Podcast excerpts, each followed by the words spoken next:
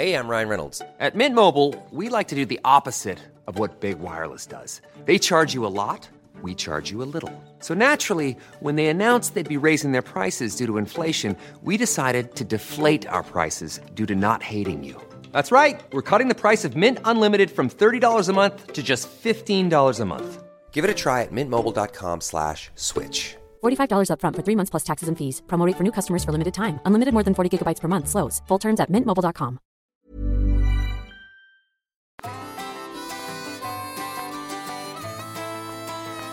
Hej och välkommen till Toppenjakts podd. Idag är det ett litet specialavsnitt som ska handla om bara toppfågeljakt med mig, Lars, och med Lill-Ove. Hej Lill-Ove! Ja men tjena! Alltså det här blir spännande. Hur, hur fasen ska vi kunna hålla oss till bara... Alltså vi brinner ju för toppfågeljakten men det är nog rätt att man hamnar i diket och börjar surra om något annat men vi får väl försöka hålla ihop det här. Vi får försöka hålla ihop det. Uh, första frågan till dig. Har du kollat på Star Wars och druckit någon Portello? Alltså det är inte svinofta. Jag vill ju inte nöta ut favoritdrickan. Det händer ju. Men Star Wars är ju... Ja, tyvärr. Har inte, Nej. har inte lyckats se, se någon. Jag har hört att det finns fler också. Jag fick lära mig det av Kalle. Ja, Kalle tycker att du är en sjuk besvikelse. Men Ja. vi gillar ju olika. Men det ska vi inte prata om idag. Idag ska vi prata om allting runt omkring toppfågeljakt. Och det, det vi kommer snudda vid idag, det är ju ett stort och härligt ämne. Eh, och vi kommer prata om bästa tipsen för nybörjaren, optik, allt det innebär, förstoring, kan man mäta riktmedlet, target rat eller inte, eh, vapen, kalibrar med mera, eh, kläder, allt från kammo till underställ, vantar, mössor, skidor, stavar, pjäxor, ryggsäckar. Hur hittar man fågeln? Hur tar man hand om viltet efteråt? Och så vidare och så vidare. Vad tror du om det? Alltså det låter ju som ett, alltså som ett magiskt samtalsämne. Alltså jag, jag älskar ju toppfågeljakten. Lill-Ove, hur började du med toppfågeljakt? Berätta. Ja, men du, ja, alltså jag började ju... Jag vet inte exakt hur jag fick nys om det. För första gången jag var och jagade toppfågeljakt så var jag ute eh, med en polare som inte heller hade jagat toppfågeljakt. Och det här måste ju vara... Ja, det måste väl vara, jag vet inte, 20 år sedan kanske. Uppe i Ångermanland, där, vi, där jag jagar med farsan, där jag jagar älg och björn. Coolt. Det är ju fina marker där. Ja, men visst. Och då hade jag försvarets snöblus, ingen handkikare, ingen avståndsmätare. Jag hade en gammal Saco Vixen 222 Remington med någon jättebillig eh, Bushnell 3-9 gånger 42 kikare.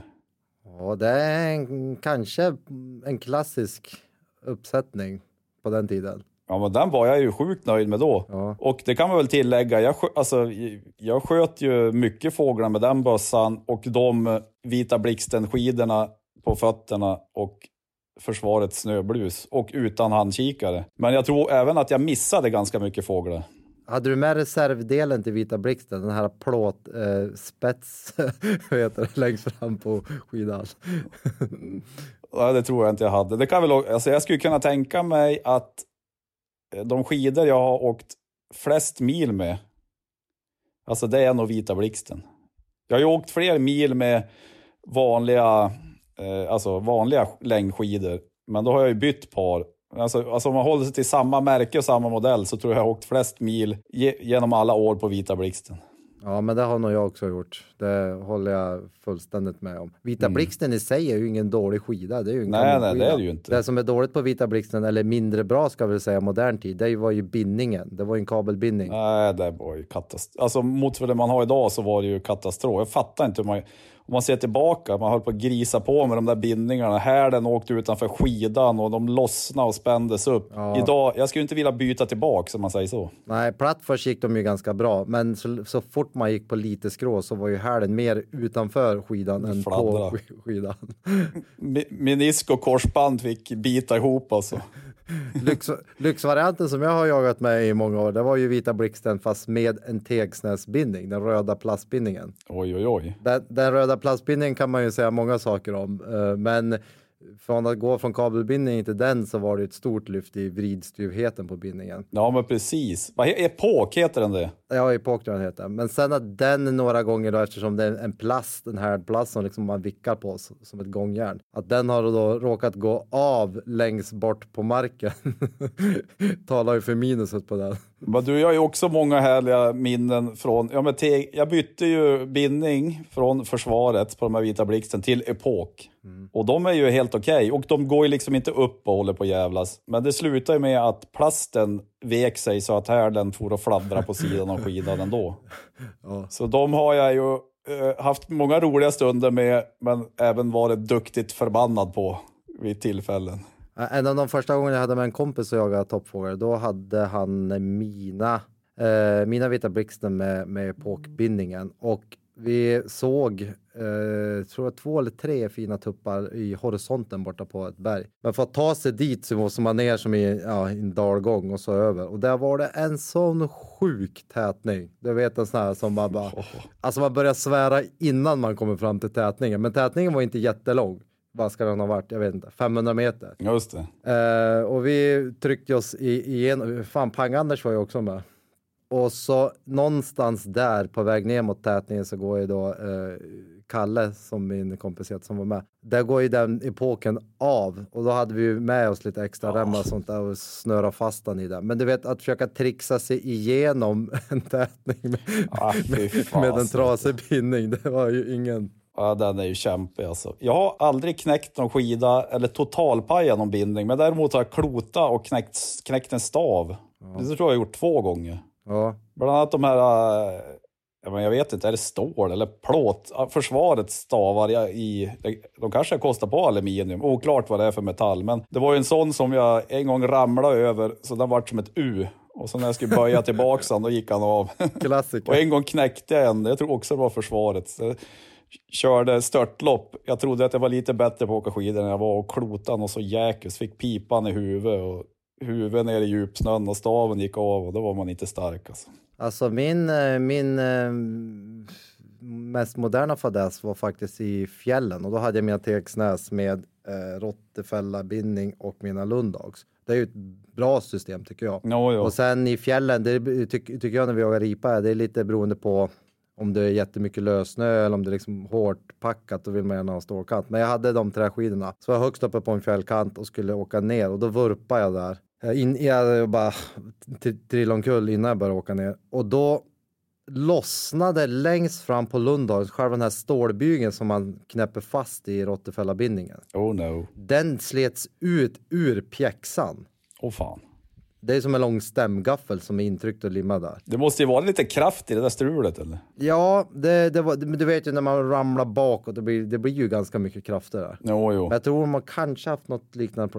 Något lång historia kort. Jag, det gick bra att ta sig ner på en skida. Jag kunde halvstödja mig på den andra och liksom, du vet, kryssa mig ner. Men, eh, och jag fick ett par helt nya kängor. De var jättesnabba att fixa. Ja, du ser. Snyggt alltså. Men just då, där och då bara, ja det här kan ju bli, ta sig en stund- stund att ta sig ner från fjället. Ja, fy fasen. Ja. Det bara bita Va, ihop. Min eh, första toppfågeljaktsupplevelse kanske jag ska passa på att berätta. Det var faktiskt innan jag hade jägarexamen. Det var jag med en kompis på uppsynsjakt och då jag kunde ingenting om, om jaktvapen eller toppfågel. Så jag hade också försvarets snöbrus på mig och några låneskidor, ryggsäck och så fick jag låna ett en, jag kommer inte ihåg vad det var för, för bössa. Men eh, min kompis, ja men det, det var hans pappas bössa. Han bara, ja men han, han har skjutit in det här inför älgjakten, nå ta- nå tar det. och, Ja, och jag tror- bara hålla mitt i. och vi såg så sinnessjukt mycket orrar från där vi åkte ifrån eh, hans eh, gård. Man kan åka direkt från eh, hans gård på, in på marken. Så kom vi, det var inte många hundra meter, såg jag första eh, orrarna. Och sen tills det blev kolsvart tills vi kom hem så såg vi orre hela dagen. Och jag vet Ja, inte coolt alltså. hur mycket jag sköt. Jag sköt och jag sköt och jag sköt och jag sköt. Det ramlade ner noll fåglar. så så efter, efter den gången så bestämde jag, jag vart ju helt så här superfast i det. Så jag bara, Ja, fränt. alltså ska jag hålla på med det här då ska jag ha koll på grejerna. För det var inte kul. Nej, det är ju kul när det smäller, men man vill ju träffa någon gång ibland också. Alltså. Ja, så fick jag lite instruktion. Ah, men prova håll lite ovanför och lite högre. Han, var, han visste inte riktigt hur den där var inskjuten så det var ju... Ja, fy. Alltså hyfsat hopplöst alltså. Ja, Ja, häftigt. Ja, då var du fast efter det helt enkelt. då var jag fast efter det. Ja.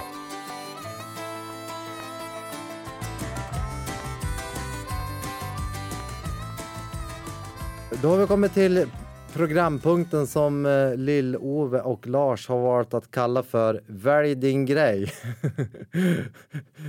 vi, eh, vi ska välja en grej som vi absolut inte kan vara utan att packa ner i ryggen eller ha på oss. Och så kan vi prata lite om det. Vad tror du om det? Ja, men det låter ju svinspännande. Och det var ju, det är ju inte en plättlätt frågeställning heller. Nej, det är ju inte. Och faktiskt, vi har ju fått lite frågor på Instagram, så det är jättekul. Och, och det är inte helt buslätt om man eh, inte har hållit på med den här jaktformen och kanske att man är nybörjare. Jag vet ju själv hur mycket frågor och funderingar jag hade när jag började. Och nu, nu finns ju liksom internet och på gott och ont. Men eh, vi börjar, vi kör. Välj en grej. Ja, men du, det här, jag har ju resonerat mycket kring det här. Eh, jag vill ha bra pjäxor och bra skidor. Jag vill ha en bra bössa med bra optik. Men nu vart det många grejer. Ja, men, men ja, då, precis. Men det jag, det jag har valt, det är ju avståndsmätare. För jag tror att Ja. genom åren, flest anledningar till att jag har bommat fågel, det är att jag har gjort fel avståndsbedömning. Och det är inte plättlätt alltså. Nej, Så jag, eh, jag tycker om att skjuta och tycker om att träffa viltet jag vill skjuta och det är ju av flera anled- anledningar. Men, eh, så jag skulle välja avståndsmätare, så jag vet vilket avstånd det är till fågeln jag ska skjuta. Ja, det var jättebra. Jag håller fullständigt med dig i allt du säger där. Jag har skjutit jättemycket bom för att man bedömt fel avstånd och även nu när jag har avståndsmätare och haft det i ganska många år så brukar jag, när jag skidar, vet man är trött och skidar själv, så brukar jag säga hur långt är det till den tallen? Och speciellt om det är öppet. Och, Så brukar, så brukar jag tänka, ja men så måste jag tvinga mig själv att gissa först. Jag bara, men det är 180 meter. Och så mäter man. Så bara, det var 60. Nej men du, du förstår. Ja. Att man tränar ögat att uppleva ett avstånd. ja, men det är ju så. Och alltså, ballistik på kulvapen, det är ju att om du tror att det är 150 fast det är 220, ja då har du, tur, eller har du otur så skjuter du fågeln i arslet eller benet. Eller sannolikt så kommer du att helbomma. Det, alltså, ju längre ut man kommer, ju, händer, ju mer händer det med kulbanan. Och det är ju inte plättlätt med avståndsbedömning. Alltså.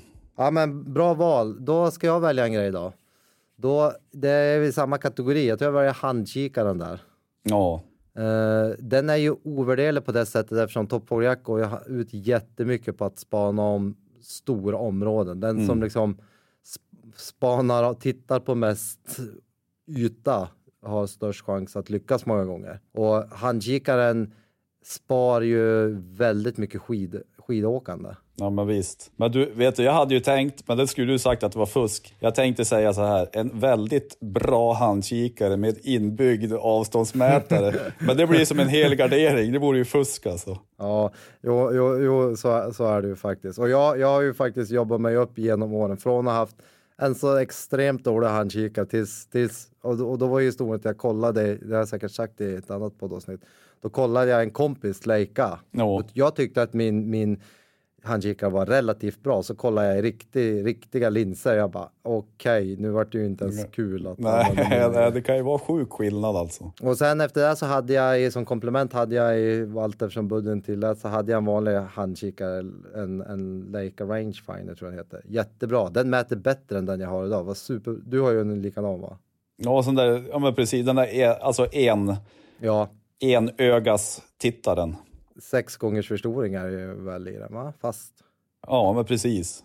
Ja, den är jättebra. Den är superbra på att mäta och allt. Enda jag upplevde, upplevde med den, speciellt om det är jävligt kallt och man mäter mycket och sånt där. Det, då ska man ta upp den eller man gör ansmygning. Och en gång så la jag den bredvid mig så kröp jag så bara, jag höll på att tappa bort den där i snön. Ja, ja, ja. Eh, nu, nu har jag ju faktiskt en handkikare med inbyggd avståndsmätare och det är ju väldigt smidigt och praktiskt. Där det. Ja, men det är ju det. Det är ju det. Det, det, underlä- det är absolut inget måste tycker jag, men det, det underlättar. Det, det är trevligt. Ja, men det där, det är ju, inget, det är ju fasen inget lätt val. Eh, för jag tänkte ju också det här, eh, nu har ju jag ett par långa Tegsnässkidor. De är ju typ 2,50 eller 2,55. Och så har jag de här Lundags, vad fasen heter de? Kängorna. Eh, BC. Ja, precis. Alltså som är en riktig, Du och jag har likadana. ju. ja men som man har en, alltså man har en riktig Rott, Rottefeller BC-bindning till de här Lundags-kängorna. Och det är ju fasen som en fröjd att åka skidor i dem. Ja. Bra långa skidor med bra bärighet. Eh, skön vridstyv, varm pjäxa och en bra bindning. Ja. Så det ska jag ju aldrig kunna byta bort heller. Nej. Det är ju sån sjuk skillnad att ta sig fram alltså. Nu, eh, nu kommer vi av våran, våran programpunkt lite, men om vi pratar runt omkring det där. Så många som frågar mig om tips så, så rekommenderar jag nästan hellre på att lägga lite mer pengar på all utrustning runt omkring. För att toppfågeljakt är ju oftast, nu har vi varit bortskämda några år med bra få- fågeltillgång. Nu i år är det redan sämre. Men det handlar ju om att liksom ha, att det ska vara kul under hela dagen och att du ska orka ta de här Ja, extra visst. kilometrarna. Och då har man grejer som strular, bindning, skidor, alltså då kommer du inte långt in och då ser du inte många fåglar. Nej, då hinner man ju bli less. Ja, Men det där också, alltså för 20 år sedan då, då kämpade man ju på med sämre grejer och ville supergärna skjuta fågel. mm. Alltså nu har man ju bättre grejer och vill fortfarande skjuta fågel men upplevelsen är ju också bara att vara ute och ja, men skida i vintermiljö. Det är ju halva grejen liksom. ja, ja. Det är min andra punkt. Har du varit, tog du en, an, din andra grej? Ska, ska, man, ska man välja två grejer? Du ska välja fem grejer. Och fem grejer! Okej, ettan, ja, men tvåan, tvåan är ju handkikare för mig. Ja, men den tog jag. Du, du, vi får inte ha samma. Jaha, då måste jag välja någon annan. Ja, vi fyller på listan liksom. Ja, men då, då väljer jag eh, bra, långa skidor med bra bärighet. Bra, bra summerat. Och i mitt fall Tegsnäs. Ja, eh, bra val. Då väljer jag min andra grej här då. Då väljer jag varm mat. Jag vet inte. Ja, det är värt alltså.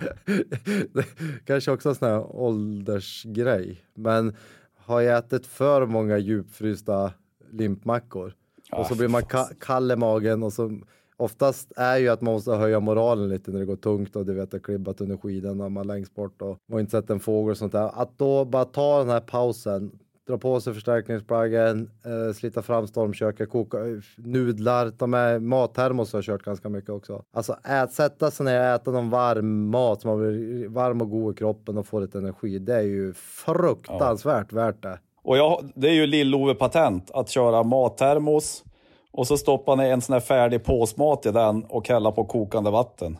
Geni. Jag tror inte det var jag som uppfann det, det är svårt att tro det. Men, men då har man ju både hett vatten och varm mat Ja. i samma termos. Ja. Ja, det, jag brukar ha med en liten sån här brännare på, på en pumla och så kokar jag nudlar eller värmen. Och oftast gör jag på älg, typ en, en älgchiligryta eller någonting. Ja, men Så trevligt. jag river Alltså. ner lite bönor och grejer så kan man spicea upp den och äta. Det är ju sjukt värt. Dock ska man, i, man ska inte göra misstaget att råka ta med sig sommargasen. Nej, det blir för fasen. jättedåligt när det är minus 20. Men du, jag har ju ett härligt minne eh, när du och jag var ute och skida uppe i Brink för något år sedan. När du tog fram primusköket, gasbrännarna så, och så brassade vi på nudlar och satt och njöt där. Mm. När vi satt, det var ju så sjukt blåsigt så vi tryckte in oss i, någon, ja, in i skogen där för att få lite lä vill jag minnas. Ja, det gjorde vi. Ja. Var det då vi hade jagat den där stackars tjädern, jag vet inte hur många kilometer, så hittade vi en uppe på bergskanten. Ja, Man satt på det sjukaste stället, i, Ja. alltså i halvstorm. För vi, vi hade ju knappt sett någon fågel, sen stötte vi någon som satt lågt i något träd efter någon väg där som var, ja, det var nog svårt att se den där innan den såg oss. Och du drog ett imponerande skott. Det var rak sidvind, tjädern satt i, i en hög tall, men tjädern satt absolut längst ner i den tallen. Den satt ju kanske, vad kan den ha suttit, 10 meter från backen i lägsta Ja, i grenen. någon gles jädra tall upp på någon höjd. Ja, det blåste. Det var inte bara... Ja, det stormade rak sida. Du höll, du höll av för vind duktigt. Jag höll, höll utanför fågeln och det var precis att det räckte till. Jag sköt väl typ av ryggen på honom va? Ja, den tog relativt. Den, vi räknar väl ut att det var ändå en vindavdrift på kanske två och en halv decimeter. Ja, men precis. Jag höll en bit utanför fågeln och det var nästan så att det inte räckte till. Ja, Ja, det var härligt när den åkte i backen faktiskt. ja sen eh, fira med nudlar. Ja, då, då var vi värd lite nudlar alltså. Ja. Jaha, din tredje grej då? Nu är alltså, nu är avståndsmätare, kikare, bra skidor och varm mat tagna. Mm, mm, mm. Eh, då, då, då väljer ju jag ett väl inskjutet bra vapen med bra optik. Det var ju också en hyfsad helgardering. men någon måste ju ta det. Vi kan ju inte nämna Nej, en lista de med de tio sitter punkter. ju ihop liksom. Ja. Det är ju svårt, eller det ska ju funka att öppna rip- riktmedel också, men man vill ju gärna ha en kikare. Alltså. Nej, men det är ju jätteviktigt som du säger, att, att, att man är trygg med sitt vapen. Sen, Jo. så, skjut, så skjuter man ju bommen då av olika omständigheter. Men Ja, att man känner sig trygg, att man vet. Så att det inte blir som min första upplevelse, att ingen aning vart jag ska hålla. Ja, men det är ju ändå härligt. Och där, alltså jag har ju bytt, jag har ju haft flera olika vapen att jaga toppfågel med. Jag började med någon, ja men den där Saco 222 Remington och så har jag haft någon Tikka i 308 och har jag haft man kommer knappt ihåg, man har ju bytt vapen lite. Men, men nu har jag ju en Saco TRG, den är ju tung men alltså den är ju svinhärlig att skjuta med. Jag litar ju på den fullt ut, har bra koll på ballistiken och eh, ballistikkort och kikare med, med torn som man kan liksom korrigera i höjdled beroende på vilket avstånd man skjuter på. Så ja men den, eh, oft, det är ju inte bössans och kikarens fel om jag bommar, Nej, om man säger nej, så. nej det, det är ju så sällan det är så. Jo men så är det ju. Men om vi pratar om, vi- om vi stannar vid den punkten lite, om vi pratar då optik är ju ett, ett eh, fascinerande ämne. Mm. Eh, jag skulle väl hävda att det har ju skjutits mer skogsfåglar med en 3-9 utan torn än vad det gjort med alla de här moderna med rattar. Ja men sannolikt. Men, men det underlättar ju och det är ju en hobby i hobbyn. Vi som är lite nördar, det är ju kul. Jo. jo men det är det ju. Ja, Och jag, alltså jag tror, ja, jag, ja. Nej, jag tror inte jag skjuter mer fågel med den. Man kanske var bättre på, men det är också, det är lätt att folk tror för att man har en, en varmintpipa med bra precision, en, en eh, kaliber med flack kulbana och ett, en kikare där man liksom kan skruva på tornet för att korrigera i höjd. Att man tenderar att skjuta på längre håll. Men jag, alltså det är väl lite från var och en, men när man väl skjuter då vill man ju känna att Alltså känslan då ska ju vara att ja, men den här fågeln kommer jag att träffa och den kommer att dö. så det är ju inte så att man, för att man har bra grejer så ska man ju liksom inte börja chansskjuta liksom. nej, nej. Och sen som du och jag snuddade i förra gången vi poddade är att det är ju, jag tycker det är svårt att sikta på himlen. Om du ska hålla ovanför fågeln säger vi. Ja, den är ju stökig alltså. på den blå luften att se, att ditt öga ska se hårkorset och fågeln. Jo. Tycker jag är stökigt. Så där, där underlättar ju med de här kanske mer taktiska eh, riktmedlen och optiken. Ja men så är det ju. Så är det ju. Och optik är ju så djupt ämne, det, det blir nästan ett eh, avsnitt i sig, men det finns ju ma- massor med olika märken och prisklasser och det är ju också, det är svårt att läsa sig till tycker jag, för att allas, allas ögon fungerar ju olika. Ja men lite så. Sen är det ju också en, en, en stor post i, i familjekassan så att Men det var ju, vi fick ju bland annat en fråga på Instagram i veckan här. Han, någon som skulle upp till Västerbotten och prova. Han, som jag fattade var det väl typ första gången han ska ut och jaga toppfågel. kul, kul. Ja, svinkul och jag rekommenderar det varmt. Men då, då känner jag så här. Ha, har du en bössa som du är bekväm med och som är väl inskjuten och ett kikarsikte med, ja, men med förstoring. Alltså, köp inga nya grejer. Nej. Ut och prova och så känner du själv. Alltså, vad, Ja. Klarar jag mig med det här eller fan, jag kanske skulle vilja ha en handkikare. Och, ja, men då, det är ju bättre att prova liksom och känna sig för lite grann istället för att bara tokhandla allting på en gång. Liksom. Ja men verkligen. Och sen man har ju, man har ju ingen referens om man inte har provat det. Om man utgår från det man har, det är ju jättebra start. Så börjar Jo. man där. Jo. Sen kanske man känner efterhand eller när man liksom utvärderar. Fan det hade varit roligt eller shit vad bra om jag hade haft det här och det här. Då kan man ju ta det därifrån. Och så har man ju någonting att göra off season. Nej men precis. Men det är ju, alltså optik, det är ju så jävla sjukt vitt och brett. Det finns ju kikare som kostar tusen kronor, som man kanske kan se en fågel med under bra förutsättningar. Som man kanske inte ser en fågel om det är lite mörkare eller lite längre avstånd. Men det är ju svårt där. Du kan ju köpa en kikare med avståndsmätare, för en, en handkikare med avståndsmätare för en bit över 30 000. ja. Men det är ju liksom inte alla som har möjlighet till det heller. Så det är ju liksom inget måste att ha alla de här prylarna. Men om man tycker det är kul med prylar och eh, är beredd att lägga några kronor, då kan det ju vara svinkul att ha dem. Men det är ju långt ifrån ett måste för att ut och jaga toppfågel. Jag tror vi summerar punkten som att det viktigaste är att du har koll på, det, på ditt vapen, din ballistik och din optik och att du känner dig trygg på 100 till 200 meter ungefär kan man väl säga. Om man är nybörjare. Ja, men precis. Jag eh, tror jag tar, nu har vi sagt många grejer, men om jag, det här är ju ingen grej kanske som jag packar med och jag vet inte om jag är för eller emot min egen grej. Men om jag är på ny mark, eh, vilket jag tycker är nästan roligare än att åka där jag vet att det sitter fåglar. Det är ju att, att satellitreka, kartreka innan Och, och jag, då har man ju alltid kartrekat på vanliga kartor, men, men nu kan man ju faktiskt kolla på Niro eller Google Earth eller hitta på en satellitbild. Bara för att snabbt få sig en uppfattning om, om Ibland eh, det skördas ju ganska mycket, ibland är det jättestort hygge där eller så är det så här tätning så det kan ju spara väldigt många timmar där man bara transporterar sig eller liksom man kan angripa marken på rätt sätt. För det kan man väl eh, ja, generellt säga att fåglarna tycker ju om de tycker om att vara uppe i träden om det är soligt och inte blåser så mycket. Mm. Då kan de ju sitta svinöppet i södersluttningar där solen ligger på. Mm, precis. Och det är ju ganska lätt att ja, med satellit eller kartreka. Ja. För åker man på en skuggsida, då, där, alltså i januari uppe i Norrland, där solen når liksom inte dit på hela dagen, då är det inte lika bra odds att få se och skjuta fågel helt enkelt. Nej men så är det. Och sen några liksom, tips till nybörjare när man är på en mark första gången, det är att liksom, när det är toppfågel och det är vinter, att man ska ju söka oftast, tycker jag, eh, högre höjder. Det är lite varmare där. De vill gärna gå mm. dit och beta på, på kvällen eller på morgonen behöver inte betyda att de är där mitt, mitt på dagen. Eh, man kollar då på satelliten att man har hyggeskanter eller myrtarmar. Det är ju en dröm när det är sådana här fina myrtarmar där det är sparat ja. träd och liksom, man vet att det är fina beteställen som de vill komma till.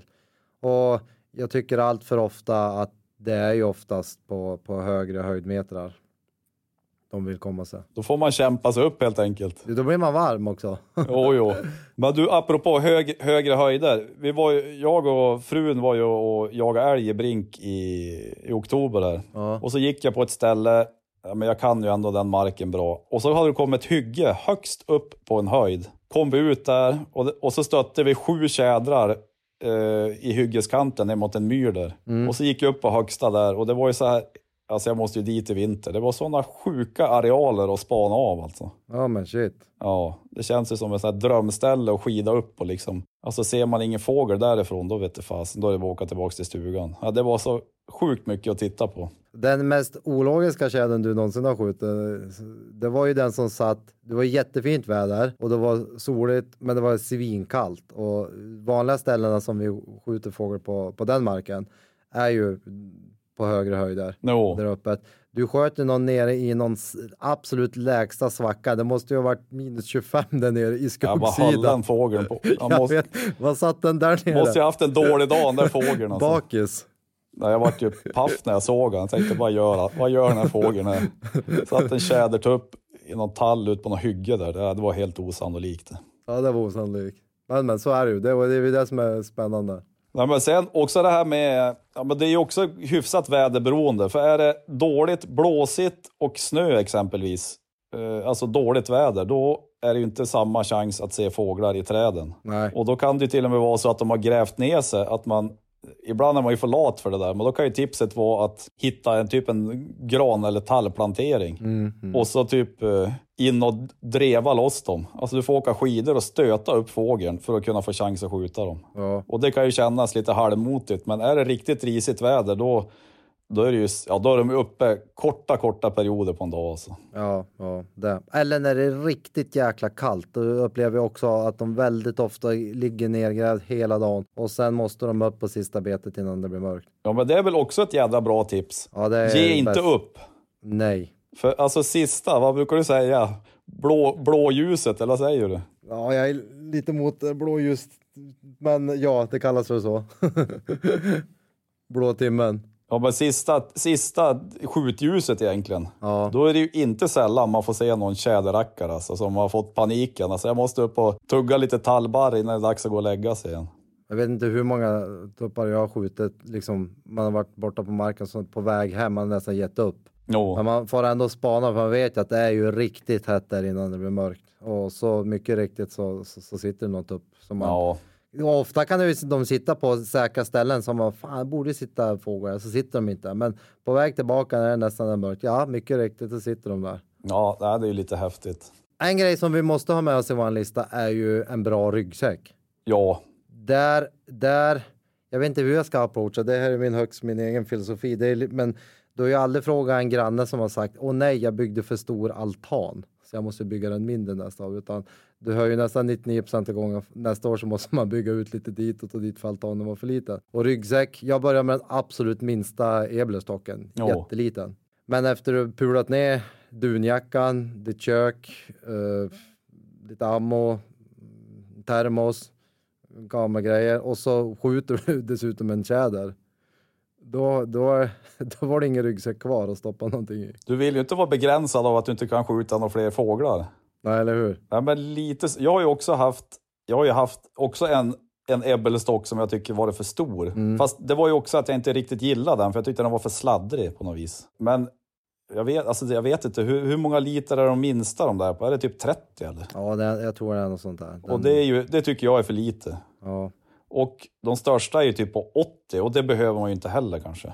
Nej, det är lite... Jag, jag, jag, jag har gått igenom tre ebelerstockar. Jag har också haft Och- tre.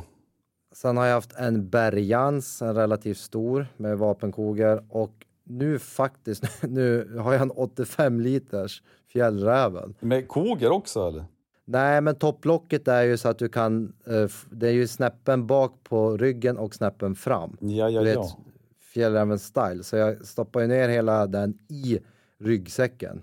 Nu när jag har lite kortare pipa utan dämpare dessutom så är det ju väldigt bra. Och, och i toppfågel så är det ju, det är ju väldigt sällan att det blir jättestressig situation. Nej, men så är det Så, ju. så då har jag ett ordentligt bärsystem som är närmast ryggen. Vapnet vickar inte åt något håll utan det sitter fast och jag har alltid i världen. Så att eh, jag eh, har jagat ripa så någon kort sväng toppfågel i fjol. Men i år blir väl, jag verkligen ska prova det nu med min Bergara som är relativt tung. Eh, Det är ju nackdelen till Leberstockarna kan jag tycka att det blir ju väldigt slängigt. De blir ju skeva. Du blir ju helt trött i ena sidan efter ett tag. Ja, men så upplevde jag ju min stora ebbelstock. Den jag nu Ja, tycker jag sitter mycket, alltså ett bättre bärsystem. Den är mycket stabilare på ryggen och håller inte på att svänga runt lika mycket. nej. Men det var ju också när jag började, då hade jag ju bara sakon i vapenrem. Eller jag hade en Mm. enklare ryggsäck med värmekläder och något fika. Sen hade jag ju bara vapenrem. Men det där blir man ju dyngless på alltså. För man har dragit några vurpor och dragit den i tan- framtanden och Ja. bakhuvudet. Och.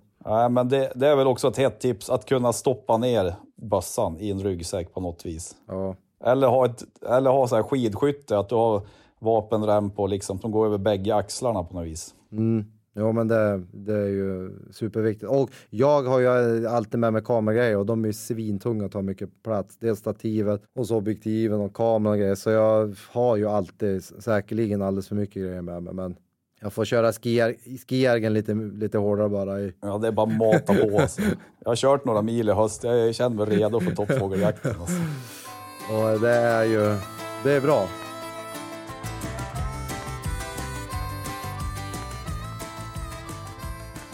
Kär du skidorna lill-Ove? Jag, jag kan ju inte säga att jag gör det varje år. Men jag brukar kära skidor ibland. Men i fjol kär, kär, kärade jag skidorna. Ja. Så tänker jag att då håller de i vinter också. Grejen är att man gör, man gör det alltid för sent. Man gör det typ nu när man kommer Jo, på att man ska jo. ut och åka. Det, det bästa är ju att, att kära dem på sommaren och speciellt en sommar som det har varit nu.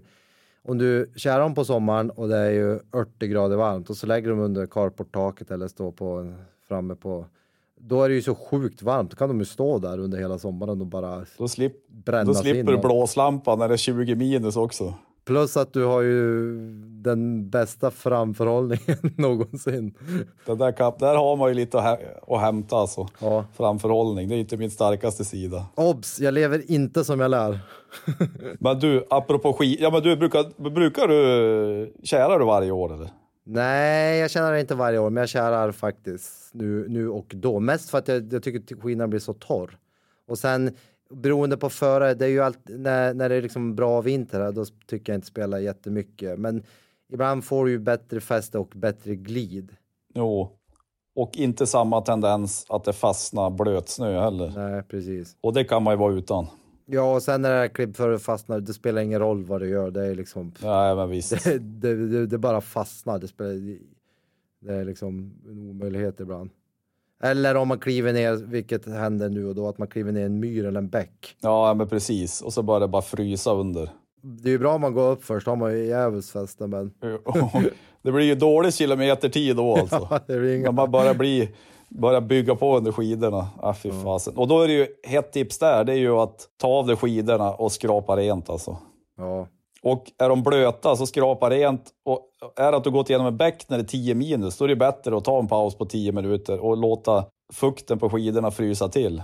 Än att du börjar mata på i pudersnön och så bara bygger det och så blir det sån jävla massa is under skidorna som du liksom knappt får bort alltså. Ja, men precis. Det är faktiskt ganska bra att ha med. Jag ibland har jag med mig en vanlig så här fönsteriskrapa till bilen. Jo, För då kan man ta det på färsk gärning och, och ska ha en plan fin yta som inte är din kniv. Och kan man skrapa bort den när man har varit och plurrat. ja men det är ju snyggt. Men du, apropå, apropå plurra, får jag dra en anekdot här nu när vi pratar om is och till- vatten? Nu kommer vi till programpunkten Lill-Ove berättar en anekdot. Lill-Oves anekdot. Det här var ju kanske en av de dummare grejer man har gjort. Men jag ska ju över en å, för det satt ju några orrar på andra sidan ån. det här är ju många år sedan. Men, eh, och så var jag lite osäker. Alltså jag visste ju att på något ställe där var det strömt och på något ställe var det spakvatten. Där, jag för, alltså där är det ju inga problem att gå över. Nej, nej. Var jag lite osäker hur det var precis där, för det var ju hela ån var ju helt täckt av is och snö. Och så går jag ut en liten bit och så, så bara, jag var ändå lite osäker så här, för fan är det, är det lugnt vatten det under eller är det strömmande? Så jag började hugga lite med staven framför mig. Och så bara rasade typ två gånger två meter. Och så var det ju kanske en fallhöjd på en och en halv meter ner. Till kraftigt strömmande vatten. Men du milde. Fast jag ramlar ju inte ner. Jag lyckas ju som lägga i backen och dra mig tillbaka. Ja. Det var ju helt sjukt, för det där, alltså isen, det där hade ju sannolikt fryst på något jävla vis högt ovanför vattnet för att det liksom har stängt upp. Ja. Så det var ju som en isskorpa med pudersnö på, så jag hörde ju liksom inte vattnet genom isen och snön heller. ja, men fan vad läskigt. Så det skulle ju kunna bli onödigt spännande att ramla ner där och försvunna under isen med Ja. skidor och stavar. Jösses. Så det var ju ändå en lärdom. Jag stod ju ändå liksom och funderade, att jag var lite osäker på hur strömt eller inte strömt det var. Men det där var ju ändå en lärdom, för det kunde ju blivit dåligt om man ramlade ner där naturligtvis. Ja, Det var ju inte speciellt djupt, men men ändå. eh, jag skulle ju ha bottnat, men ändå. Det skulle ju inte bli, ja, det skulle ju vara onödigt spännande.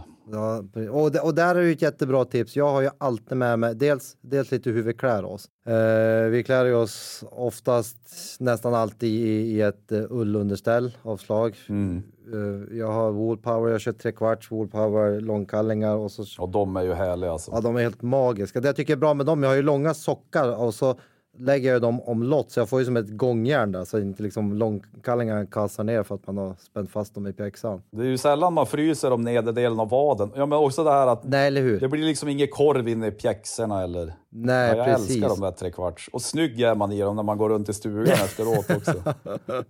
Frugan älskar när man går runt i dem hemma, vilket man gör 200 dagar om året. Och sen eh, så kör jag t-shirt-modellen på den på överkroppen. Jag ty tycker det är skönt att inte ha armarna där. Ja, du kör tischa alltså. Mm, men sen har jag en, en Woolpower 200 på den och sen har vi ju liksom 400 av dem. Men, men det är också det här, jag och Pang-Anders har ju pratat om det, vi diskuterar oftast, fan är så mycket kallare än mig. Men att man tar, orkar ta av sig och på sig hela tiden. Jätteviktigt.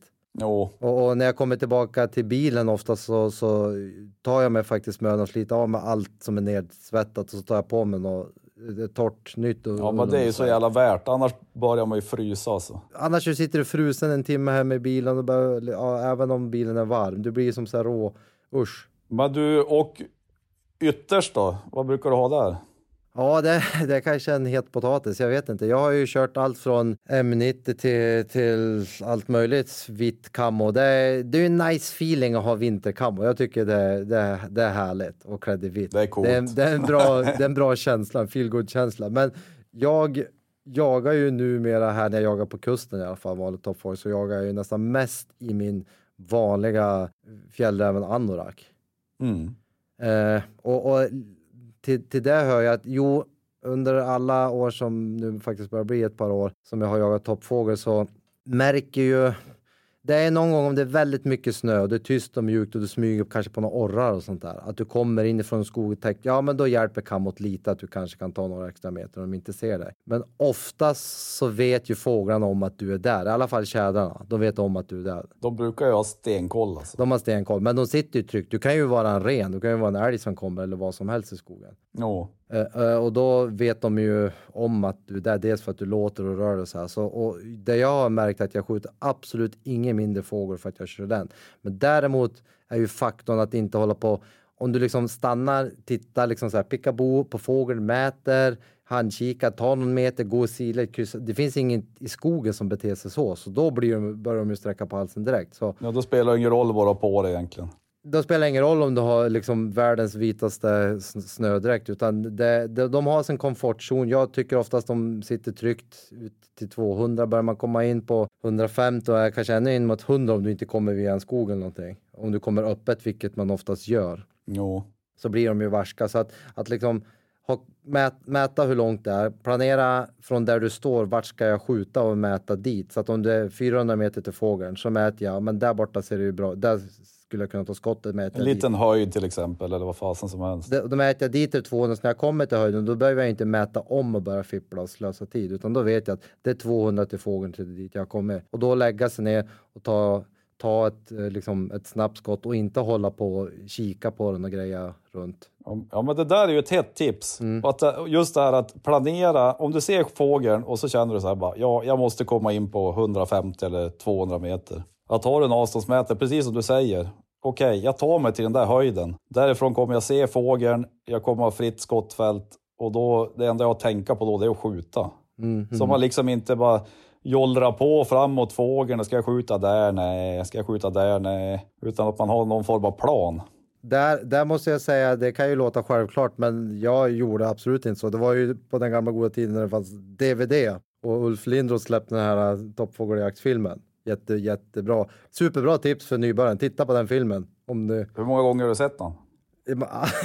alldeles för många gånger. Och han säger ju exakt, det här är ju inte mina ord, jag kan inte credda med det. Är ju, Ulf säger ju det i filmen. Liksom, nej men håll inte på, mät det det du tror att du kan ta och när du kommer dit, så då vet ju du. För annars kan det ju tendera till att man bara, åh är det 180 så mäter man så kryper man till, hur långt är det nu? Men din kulbana på 20 meter spelar ju ingen roll där. Nej, då är det ju marginell skillnad. Och då ska man ta upp och mäta igen och se, jag vet inte hur många gånger man liksom hållit på och fipplat bort och så har fågeln hunnit dragit precis när du ska skjuta. Jo. Så det, och han går igenom alla de här frågorna för nybörjare och utrustning och sånt. Det är fortfarande aktuellt. De här, jag tror man kan streama filmen nu.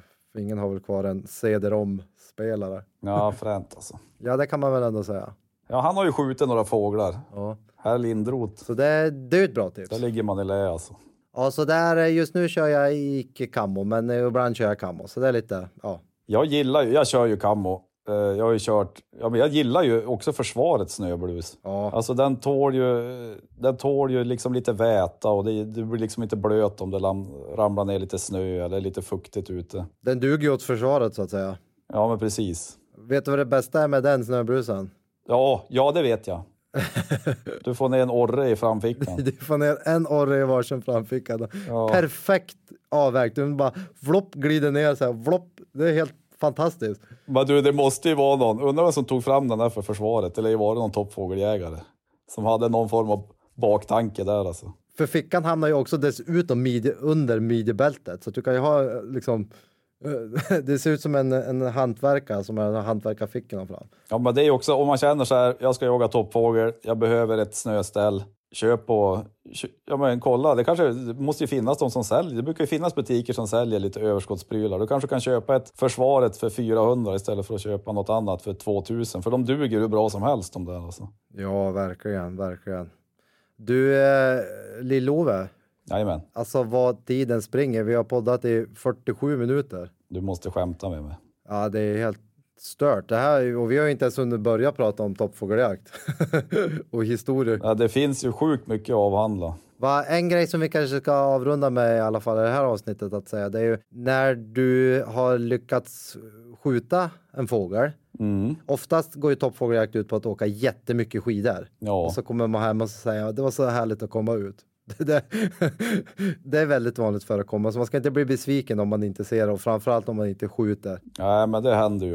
eh, och om man skjuter bom. Men sen om man de gånger man lyckas få ner ett vilt, då tycker jag att det finns ju mycket skrönor om att gå inte äta en vintertjäder och smaka trä och hit och ditan. Men som allt, vi har varit inne på det tidigare. Jag hänger alla mina tuppar och orrar minst 40 dygnsgrader.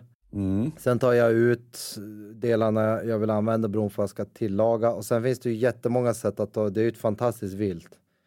Uh, du och jag har gravat, det finns de som lättröker, varmröker, saltar, röker lätt, gör sovas på det. Jag gör jättemycket lasagne på mina tjädrar. Ja, det är ju lite fränt alltså. Ja, jag tar ner Electroluxen, så maler jag ner tjädern och så maler jag in lite bacon och grejer så gör jag en god jäkla köttfärssås och så foodpreppar jag till familjen samma mat i två dagar i alla fall.